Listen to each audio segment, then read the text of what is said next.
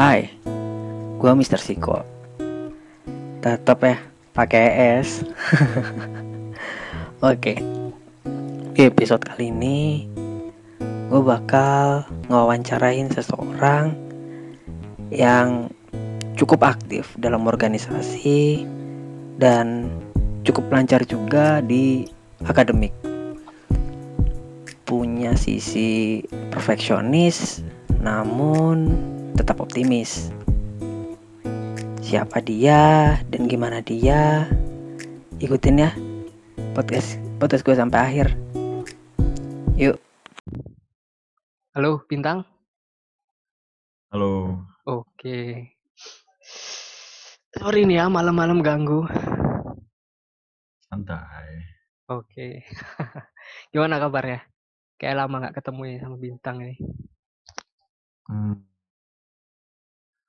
Baik-baik nggak baik sih. Baik-baik nggak baik. Iya. Boleh tahu nggak baiknya itu apa, nggak baiknya itu apa? Hmm, baik-baiknya tuh em, lagi dalam kondisi yang sehat walafiat, kondisi jasmani sehat. Eh, nggak baiknya lagi stres sama skripsi. Lagi stres sama skripsi. Berarti kesibukannya cuma skripsi aja nih yo. Sejauh ini sih skripsi dan nonton Netflix sih. Nonton Netflix. Iya nonton. apa aja nih yang udah ditonton? Loki, Loki and Loki, Eh, nggak banyak sih sebenarnya, cuman ya Stranger, yang lagi nge Stranger yang lagi ngetren-tren aja sekarang gitu. apa Viking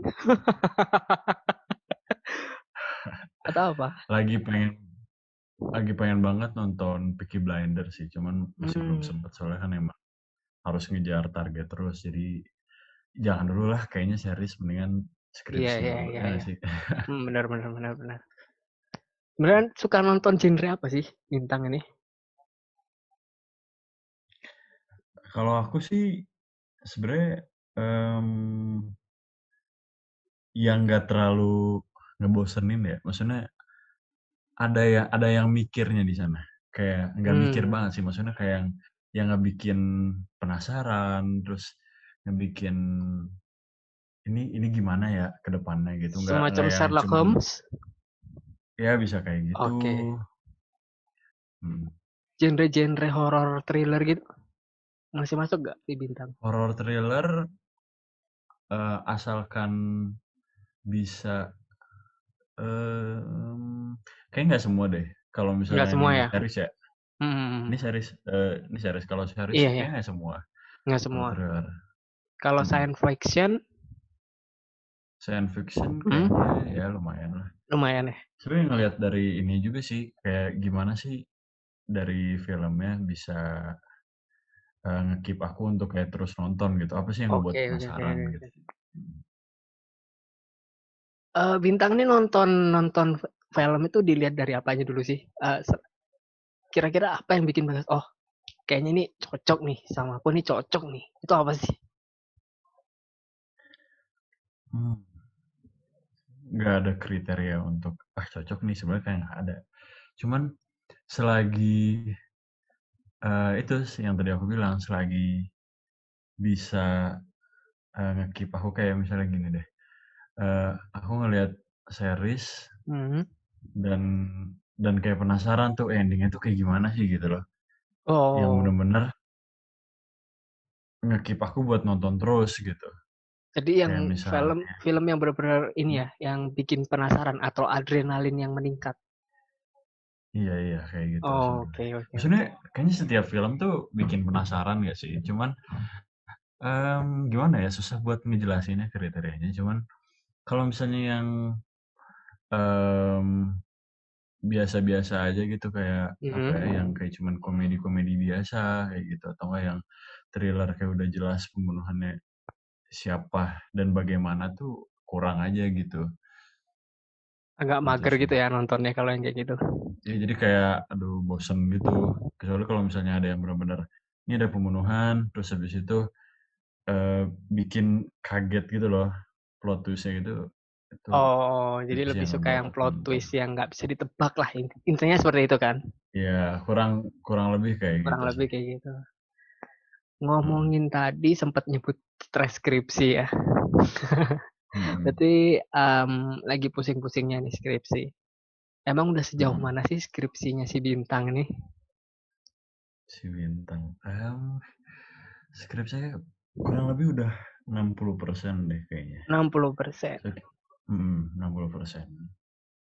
Udah kayak eh sebenarnya agak bermasalah dikit sama skripsinya di mana eh, masih bingung gitu arah dari si Ah, skripsinya ini mau ke mana. Kadang aku agak em, gimana ya susah buat eh, ngarahin diri aku sendiri dan juga eh, berkoordinasi dengan eh, dosen pembimbingnya untuk seperti sebenarnya itu seperti apa mau TA-nya gitu. Oh, oke oke oke. Ya jadinya emang agak kesusahan di situ sih. Makanya sedikit stres untuk skripsi. Jadi lebih lebih lebih ini ya, lebih eh, pusing mikirin komunikasi untuk fiksasi skripsinya ke dosennya ya daripada untuk ngolah datanya atau mencari datanya gitu. Hmm. Ya betul banget. Eh iya jadi kalau misalnya dibilang susah cari data sih sebenarnya enggak. Karena emang dosen dapat dosen pembimbing yang tipenya tuh suka ngasih jalan dan emang relasinya tuh kuat banget. Cuman kalau untuk yang ngefiksasi tujuan dari TA-nya itu yang emang agak bingung gitu. Kadang Hmm, eh, dosen pembimbingnya minta A, oke aku aku turutin A, cuman kadang ada penambahan di situ yang malah jatuhnya kok eh, melenceng kayak gitu, melenceng dari batasan permasalahan. Cuman ya apa, ikutin aja dulu flow-nya. Tapi em, belum ada masalah yang terlalu besar kan di situ. Maksudnya masih bisa teratasi lah. Sejauh ini, Sejauh ini iya masih bisa sejauh ini sih teratasi. masih bisa terhati. Iya. Itu kendala-kendala yang dihadapin ya Bintang untuk Mm, skripsi betul. ya. Kalau misalnya nih betul ngadepin skripsi yang sekarang dengan kondisi kayak gini tuh berat gak sih? Atau gimana nih? Hmm, ini aku ngeliat dari kacamataku ya. Hmm. Kalau misalnya dari dari aku sendiri sejauh ini mm, berat nggak berat sih. Yang bikin beratnya itu adalah bener banget di komunikasi tadi sempat di mention Iya. ya.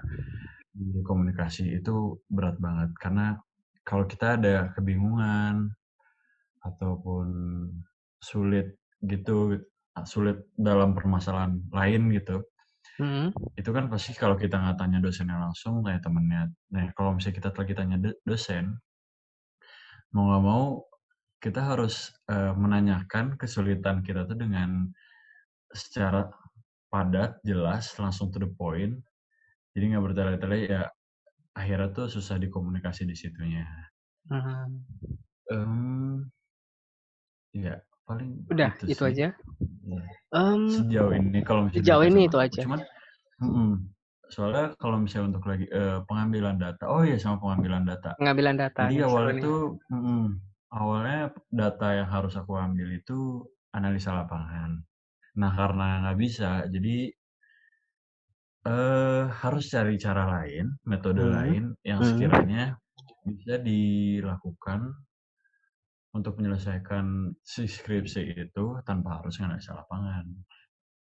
Itu PR banget ya itu sebenarnya. iya itu PR banget. Jadi benar-benar harus kayak mikir lagi oh gimana ya enaknya? Kayak gitu. Ini em, karena kondisi kayak gini mungkin em, Hmm. ngerjain skripsi, mungkin kuliah itu jadi sedikit susah karena ya kita butuh komunikasi Ah, secara betul. langsung bukan bukan lewat media sosial Ah, ya kan.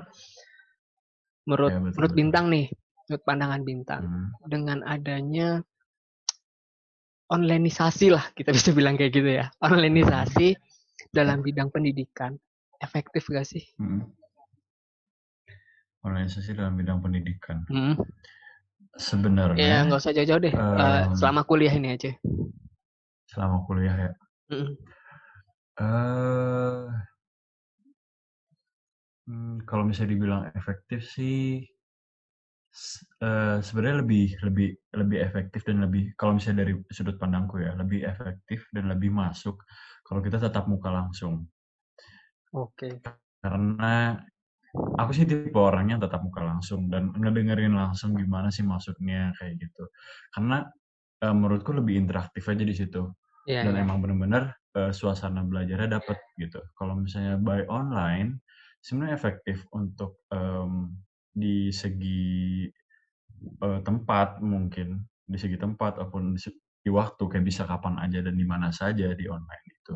Cuman yang uh, rasanya kurang kurang dapat feel belajarnya gitu kalau misalnya lewat online gitu karena uh, di situ kurang interaktifnya kurang walaupun emang bisa cuman hmm. menurutku interaktifnya kurang dan kadang um, agak susah juga belajar untuk ngelihat dari layar gitu.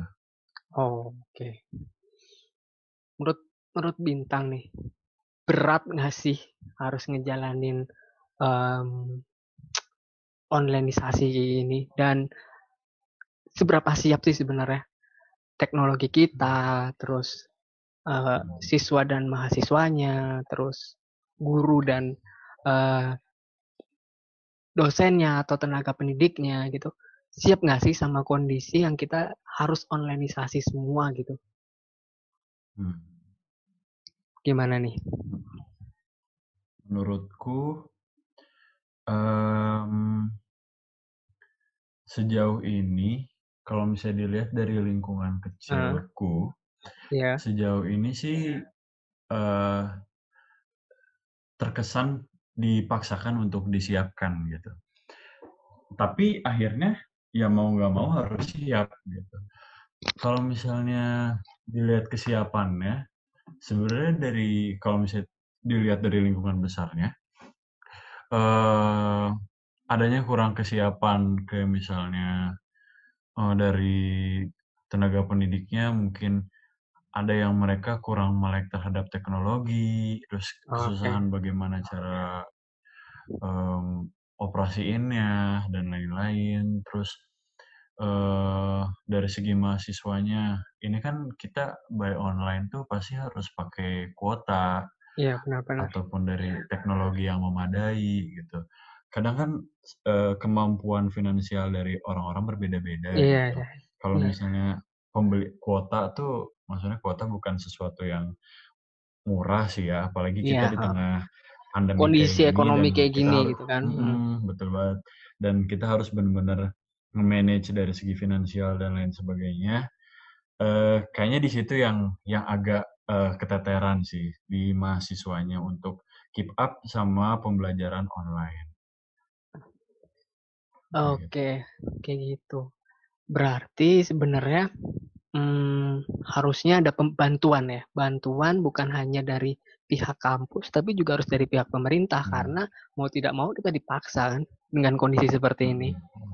Nah, udah ada belum sih bantuan bantuan-bantuan semacam itu gitu yang mempermudah mahasiswa atau siswa untuk uh, onlineisasi itu gitu dalam pembelajaran? Udah ada belum sih? Sejauh ini sih sejauh ini sih di di kampusku dan di beberapa hmm. kampus yang lain tuh udah ada bantuan dari segi kuota. Jadi okay. teman-teman, hmm, jadi teman-teman tuh bisa uh, dapat kuota yang cukup besar, tapi emang dikhususkan untuk uh, diakses uh, untuk kegiatan belajar mengajar. Jadi kayak cukup dibantu untuk hal tersebut sih. Cuman ada masalah lain sih sebenarnya. Uh, kita kuota dapat, cuman kan kadang sinyal ada teman-teman yang tinggalnya di misalnya okay, ya, maaf benar, bukan di kota ataupun iya, iya, iya. Ya, jadi atau di tempat yang sulit dijangkau lah ya. hmm, gitu. sulit dijangkau sinyalnya itu sih masalah lainnya. Yang makanya jadi kayaknya kesiapan dari uh, selain dari kesiapan tenaga eh tenaga pendidik atau mahasiswa kesiapan dari negara untuk uh, mengakses sinyal ke seluruh titik di Indonesia itu kayaknya masih perlu ditingkatin sih. Oke. Uh, menurut menurut bintang nih, um, sebagai mahasiswa tingkat akhir ya, sebagai mahasiswa tingkat akhir, hmm. um, ngelihat kondisi yang seperti sekarang, terutama kampus yang seperti sekarang gitu, kita bahasnya kampus saja ya karena aktualnya yeah. ya kita di kampus gitu. Mm -hmm. Um, metode pembelajaran yang tiba-tiba berubah ini, gitu, yang tiba-tiba mm. berubah hmm. ini, hmm. itu um, gimana ya? Bukan nyusahin, memberatkan selain dari segi ekonomi itu apa sih gitu? Apakah misal um, ah dosennya jadi males masuk nih ah sistemnya ruwet nih jadi nggak bisa um, apa absen jadi jadi nggak nggak nggak nggak kehitung masuk atau gimana gitu menurut menurut menurut menurut bintang gimana itu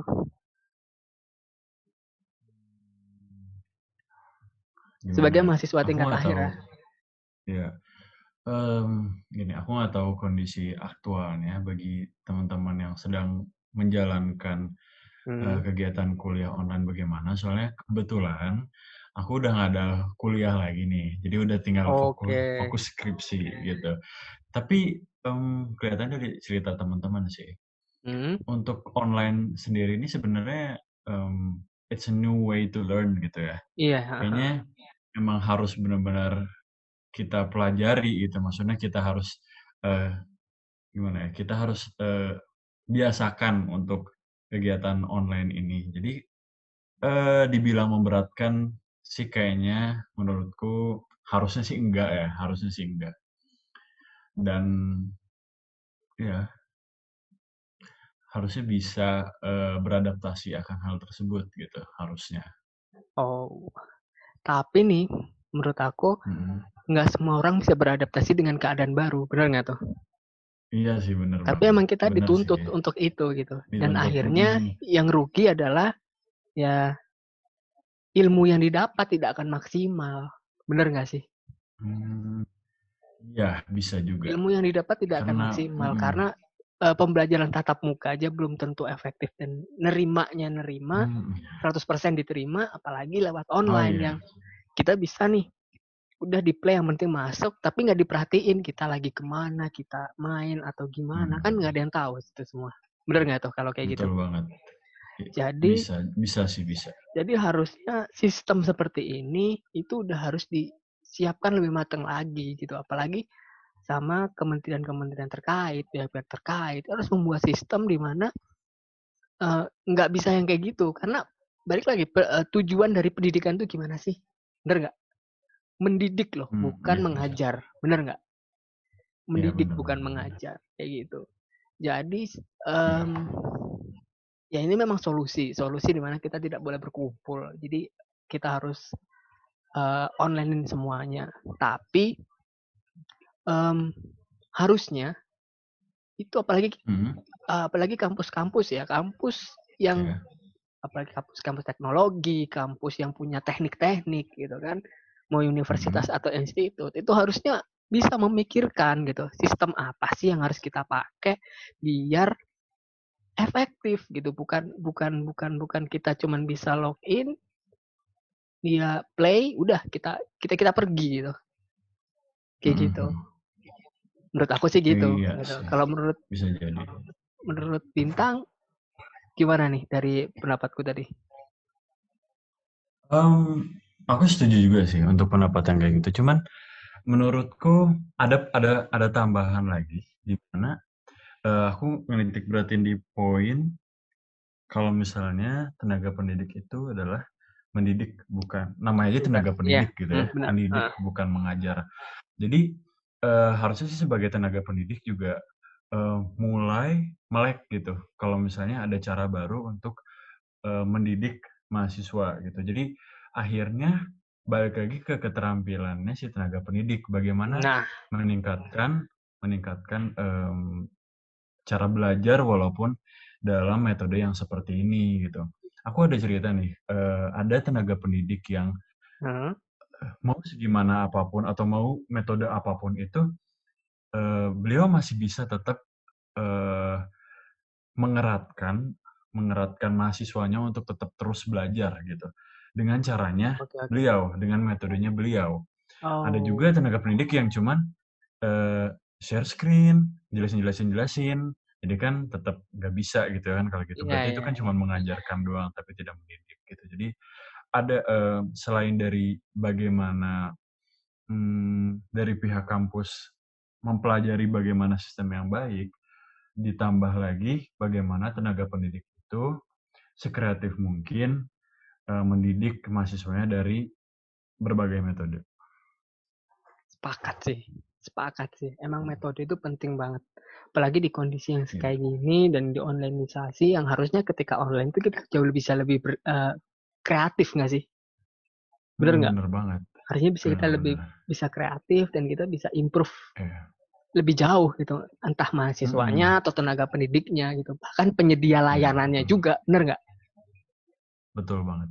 Itu, tapi masalahnya ini seperti ya udahlah yang penting yang penting yang penting, yang akhirnya yang dikorbankan ya Mhm, ya balik akhirnya lagi mahasiswa dan Iya, siswanya betul. gitu kan.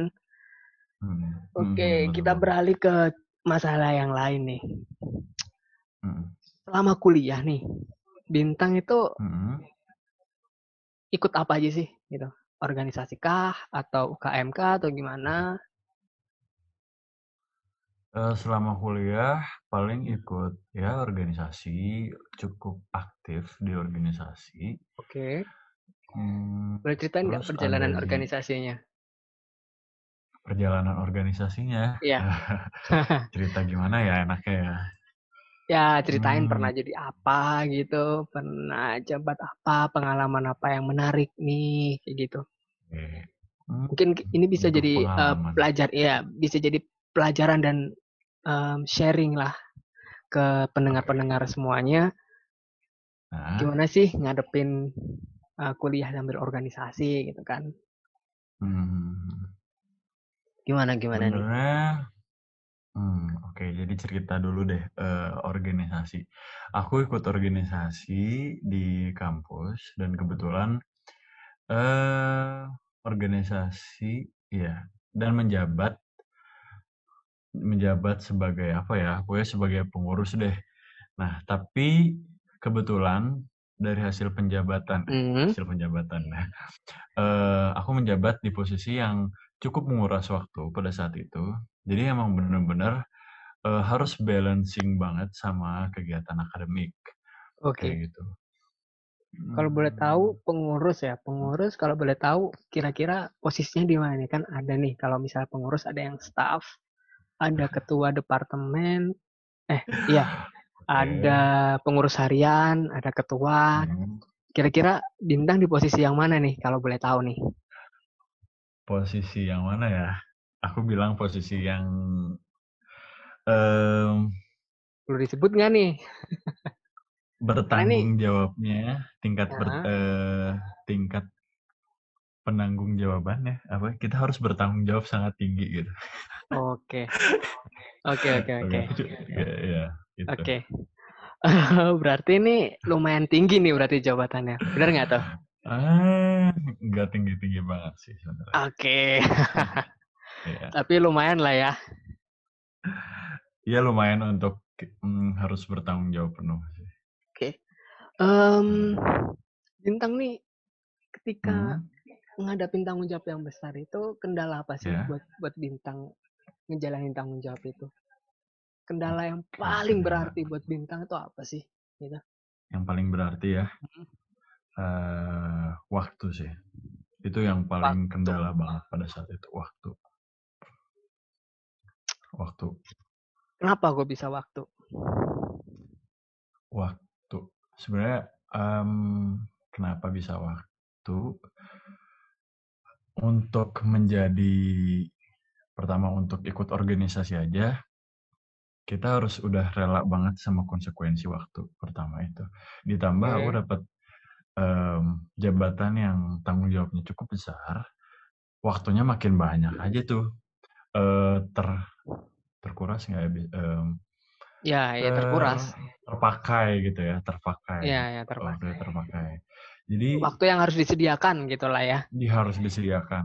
Jadi kurang lebih, eee, bener-bener gim gimana caranya aku bisa berorganisasi dengan baik, tapi aku pun masih bisa, uh, keep up sama akademiku gitu. Itu Karena kan kadang or, mm, organisasi uh, kita di sini uh, ada tuh waktu-waktu organisasi itu harus dari sekian, jam sekian sampai jam sekian dan kegiatannya tuh full banget. Tapi di sisi lain akademik juga uh, ada kelas dari sekian jam sekian, terus tugasnya juga banyak banget. Nah akhirnya yang kita harus korbanin ya waktu, entah waktu kita main, atau waktu kita bersosialisasi, Hmm. atau waktu kita tidur kayak gitu. Ini jadi kendala pada saat itu. Itu kendala yang benar-benar berarti banget ya buat buat bintang nih. Berarti banget sih pada saat itu kendalanya. Ketika ketika menghadapi kendala itu apa Hmm. bintang ini sempat ngerasa down, ngerasa em, pengen ngelepas atau ngerasa pengen Hmm. udahlah, udahlah gitu atau eh, memilih salah satu bagian eh, aku pilih yang ini aja deh. Aku pilih bagian ini Hmm. aja deh. Udahlah job deskku ini, ya udah aku jalan ini deh. Atau lebih milih Hmm. udahlah aku pilih organi eh, organisasi aja atau aku pilih akademik aja gitu. Hmm. Kondisinya itu seperti apa? Kondisinya pada saat itu ya. Hmm. Eh, eh, pada saat itu aku em, aku eh, sempet down, pasti ya, pasti sempet down. Mhm. Karena eh, aku tuh tipe yang nggak bisa nggak bisa em, gagal dalam dalam apa yang telah aku pilih. Jadi bisa dibilang aku perfeksionis gitu kan.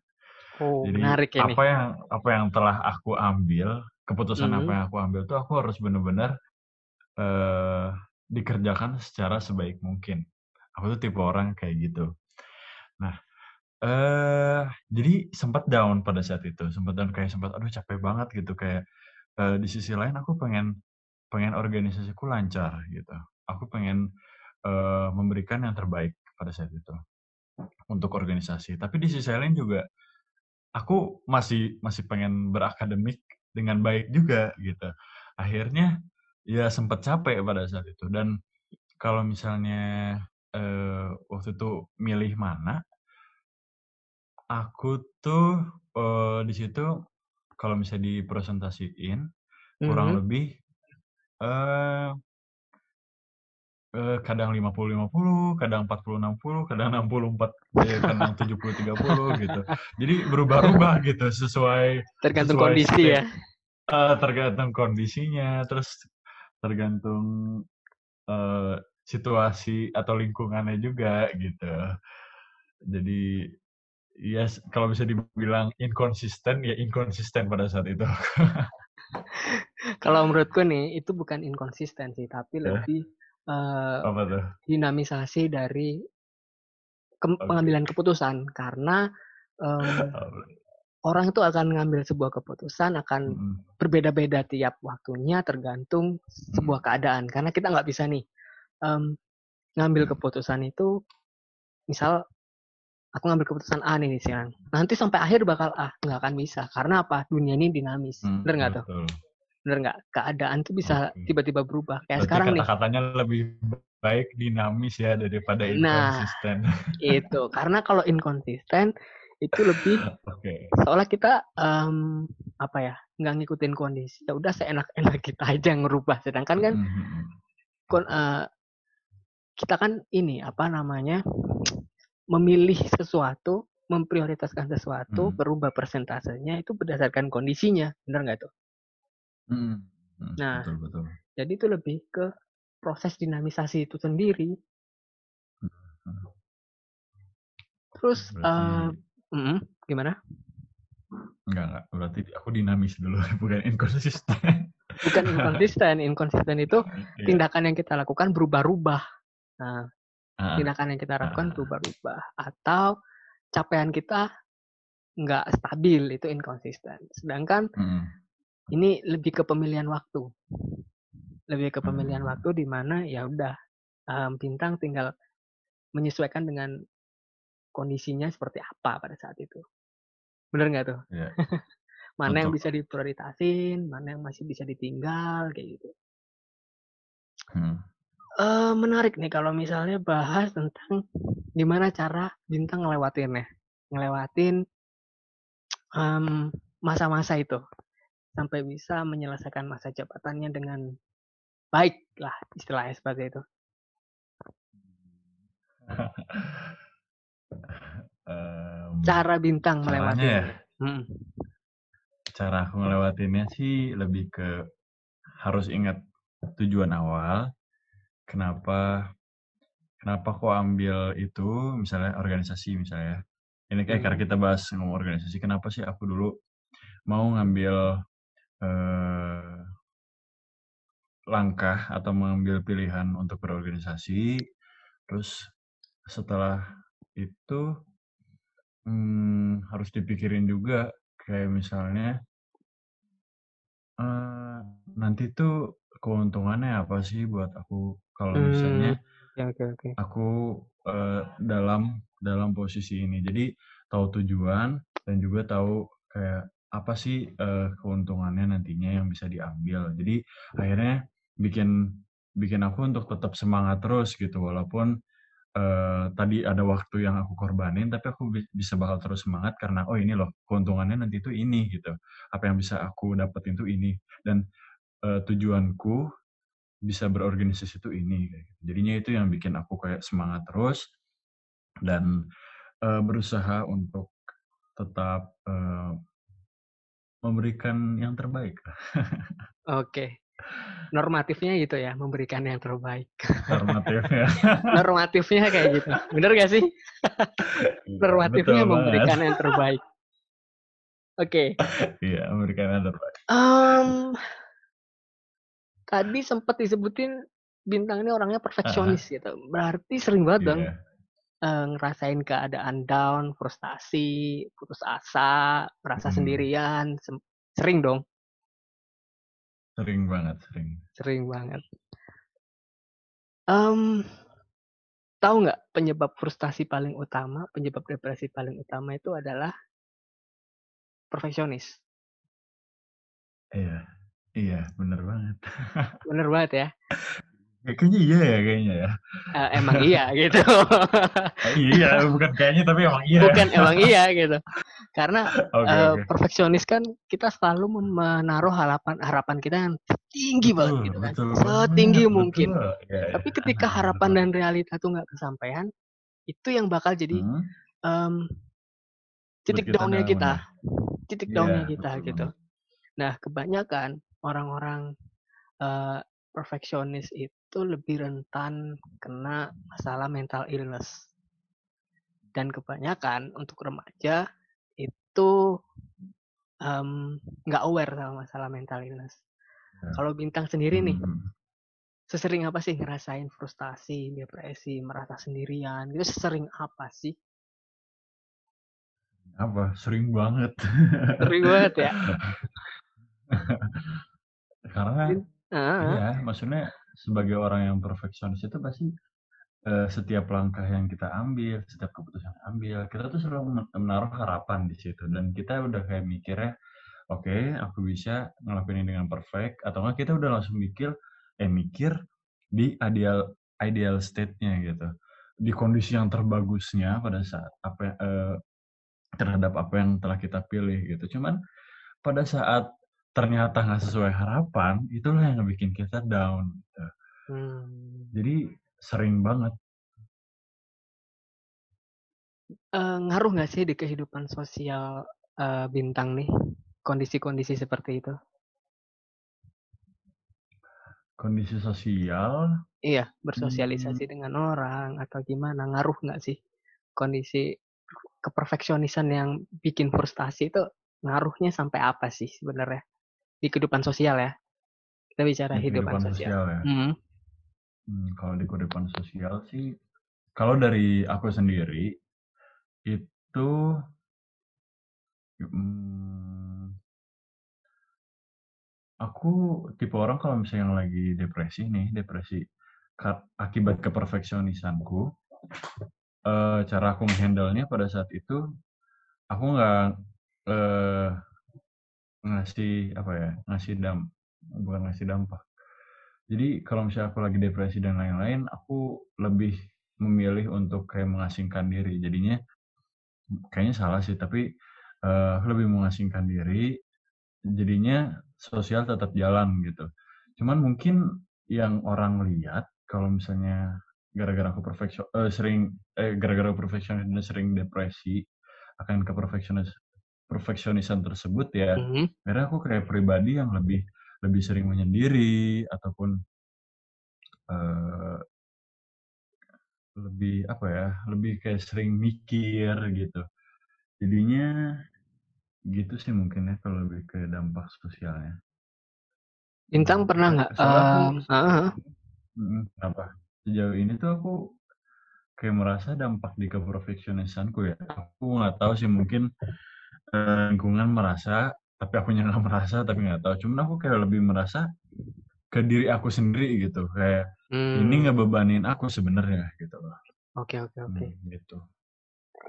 Pernah nggak sih uh, bintang ini ngerasa kayaknya aku harus berubah deh atau um, ngurangin sedikit perfeksionisku deh atau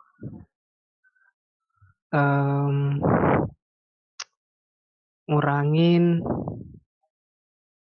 um, standar standar lah tetap perfeksionis tapi standarnya lebih diturunin. Pernah nggak? Mikir sampai situ. Pernah pernah. Pernah. Pernah ya. Uh, aku selalu dapat insight dari orang-orang. Kalau misalnya hmm? uh, um, halo? Halo? Oke. Okay. sorry tadi kepotong networknya jelek oke santai. Oke lanjut. Gimana? Tadi sampai mana? Sampai mana ya tadi? Uh, cara menghadapi. Uh, cara cara cara bukan cara menghadapi. Mik, pernah mikir nggak buat berubah atau hmm. tetap perfeksionis tapi nurunin standar gitu? Hmm, pernah sih. Karena uh, kayaknya kalau bisa dibilang perfeksionis itu adalah suatu kelebihan dan kekur dan kekurangan pada waktu yang sama gitu ya.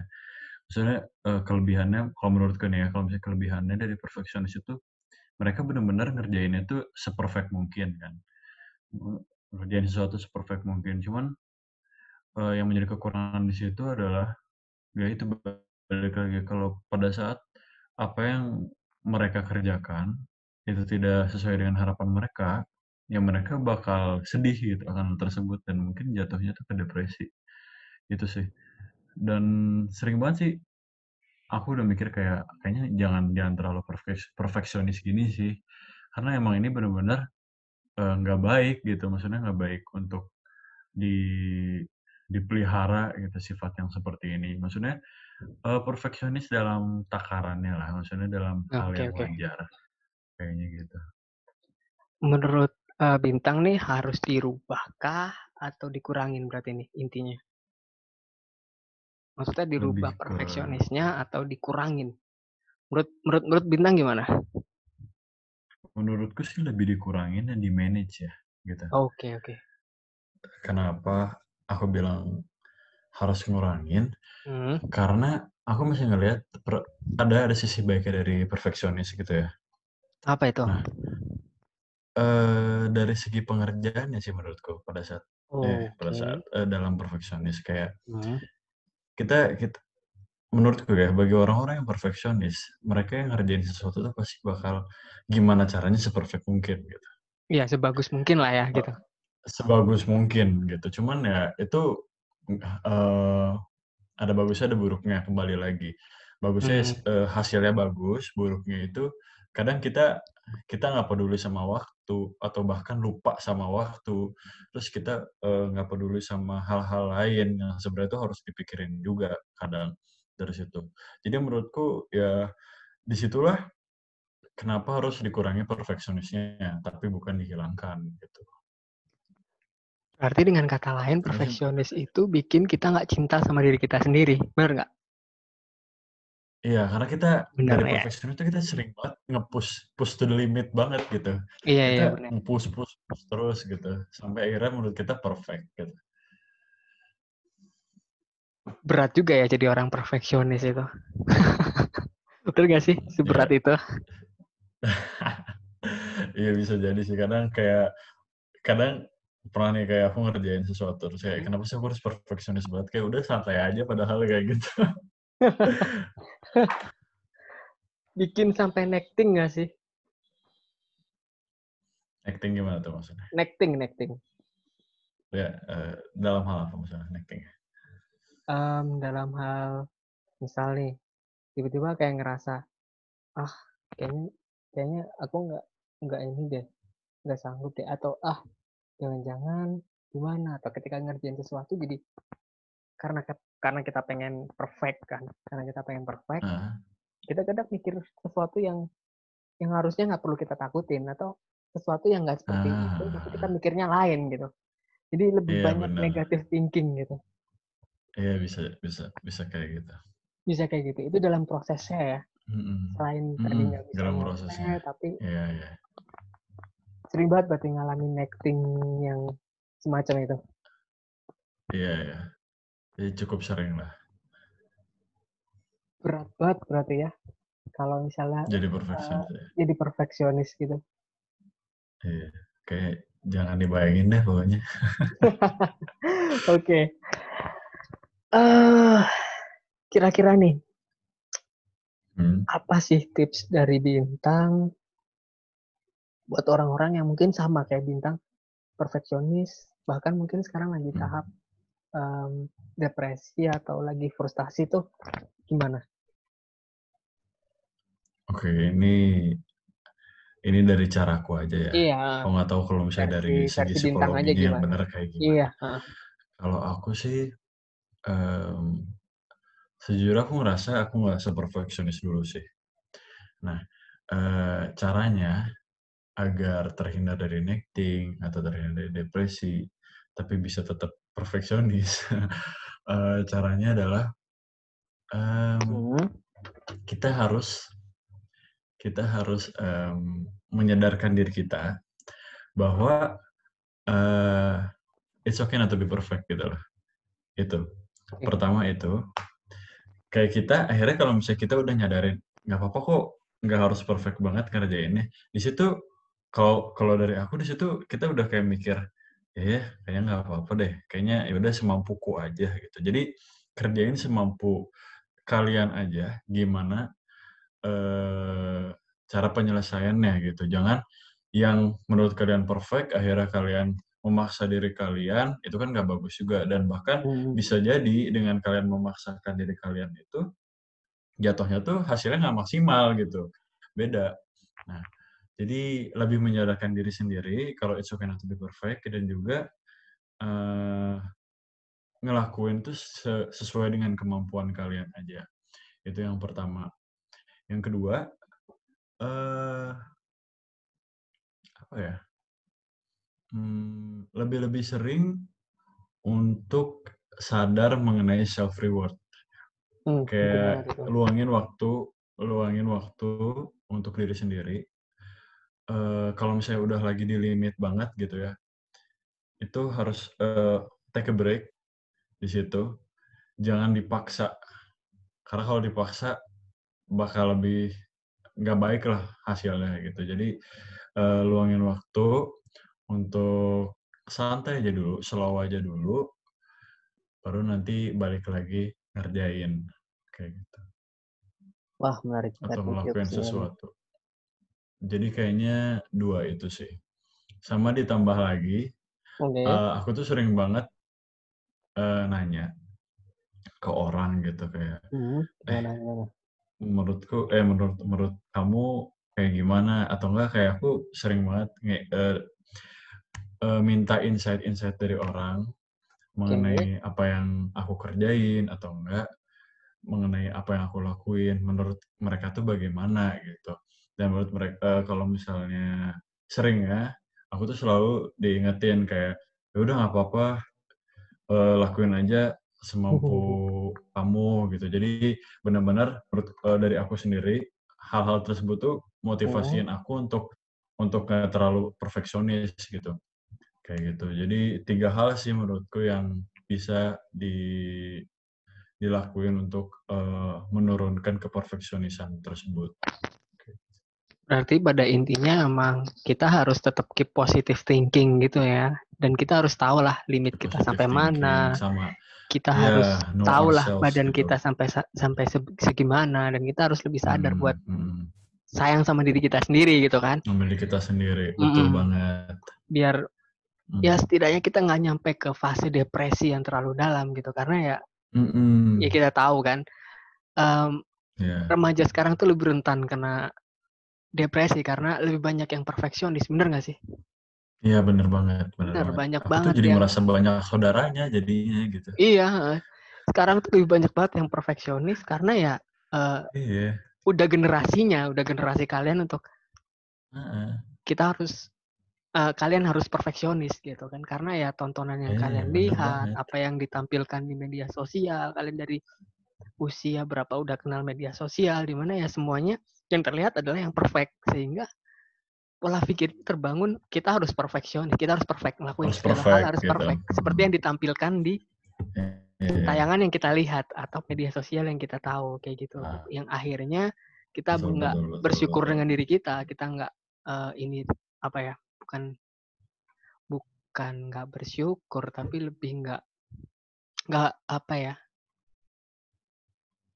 nggak menyayangi lebih tepatnya kayak gitu Nggak menyayangi, nggak iya, menyayangi betul. diri kita gitu akhirnya kita menyayangi orang lain dan mem- mem- mem- mem- membuat diri kita harus seperti itu gitu itu yang Mhm. itu ya itu yang itu yang terjadi di generasi sekarang Iya.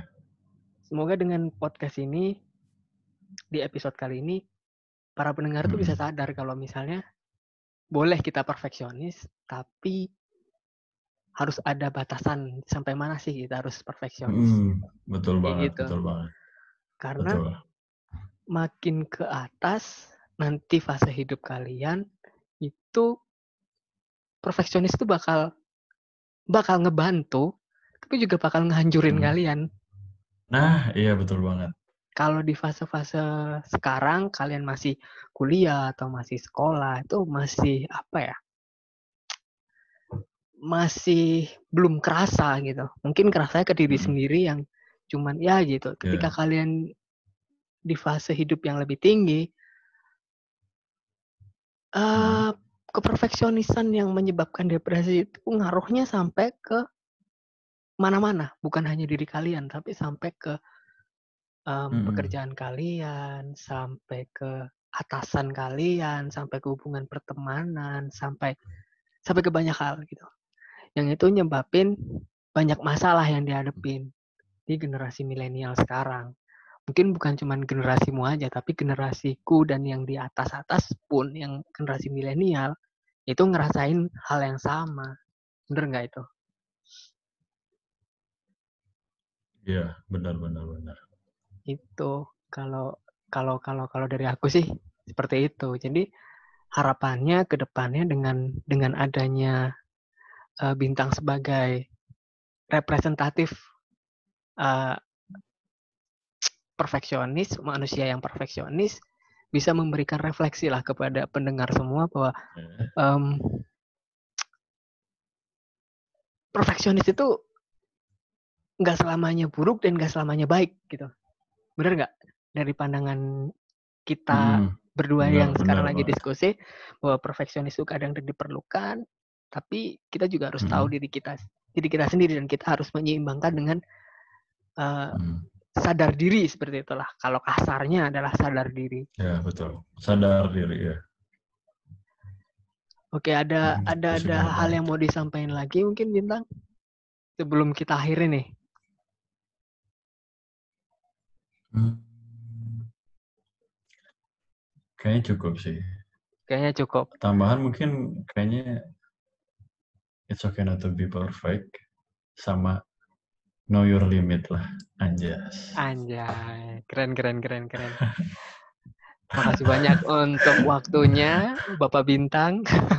Semoga sukses. Sama-sama Mr. Semoga Siko. cepat Iya. selesai skripsinya, cepat wisuda kalau ada Ya, wisuda ya. Amin. Amin. Ya, Semoga Segera. corona cepat menghilang. Nah, itu yang diharapkan oleh semua orang. Iya makanya. Oke, gitu aja sih. Makasih Mhm. banget buat ilmunya, Ya. bukan ilmunya, sharing-sharingnya lah, sharing-sharingnya. Sharing ya, sharing ya. Semoga bermanfaat Ya. nih buat kita, buat para pendengar juga gitu. Hmm. Oke. Itu aja bintang. Oke. Mau ngelanjutin aktivitas atau mau gimana nih? Kayaknya hmm, mau santai-santai dulu lah. Oh, Dikit. santai-santai Habis itu nanti kerja lagi. Oke, tetap tetap ya ada self rewardnya ya. Tetap harus ada dong. Tetap harus ada. Oke, makasih banyak ya Iya. bintang. Yuk, Oke.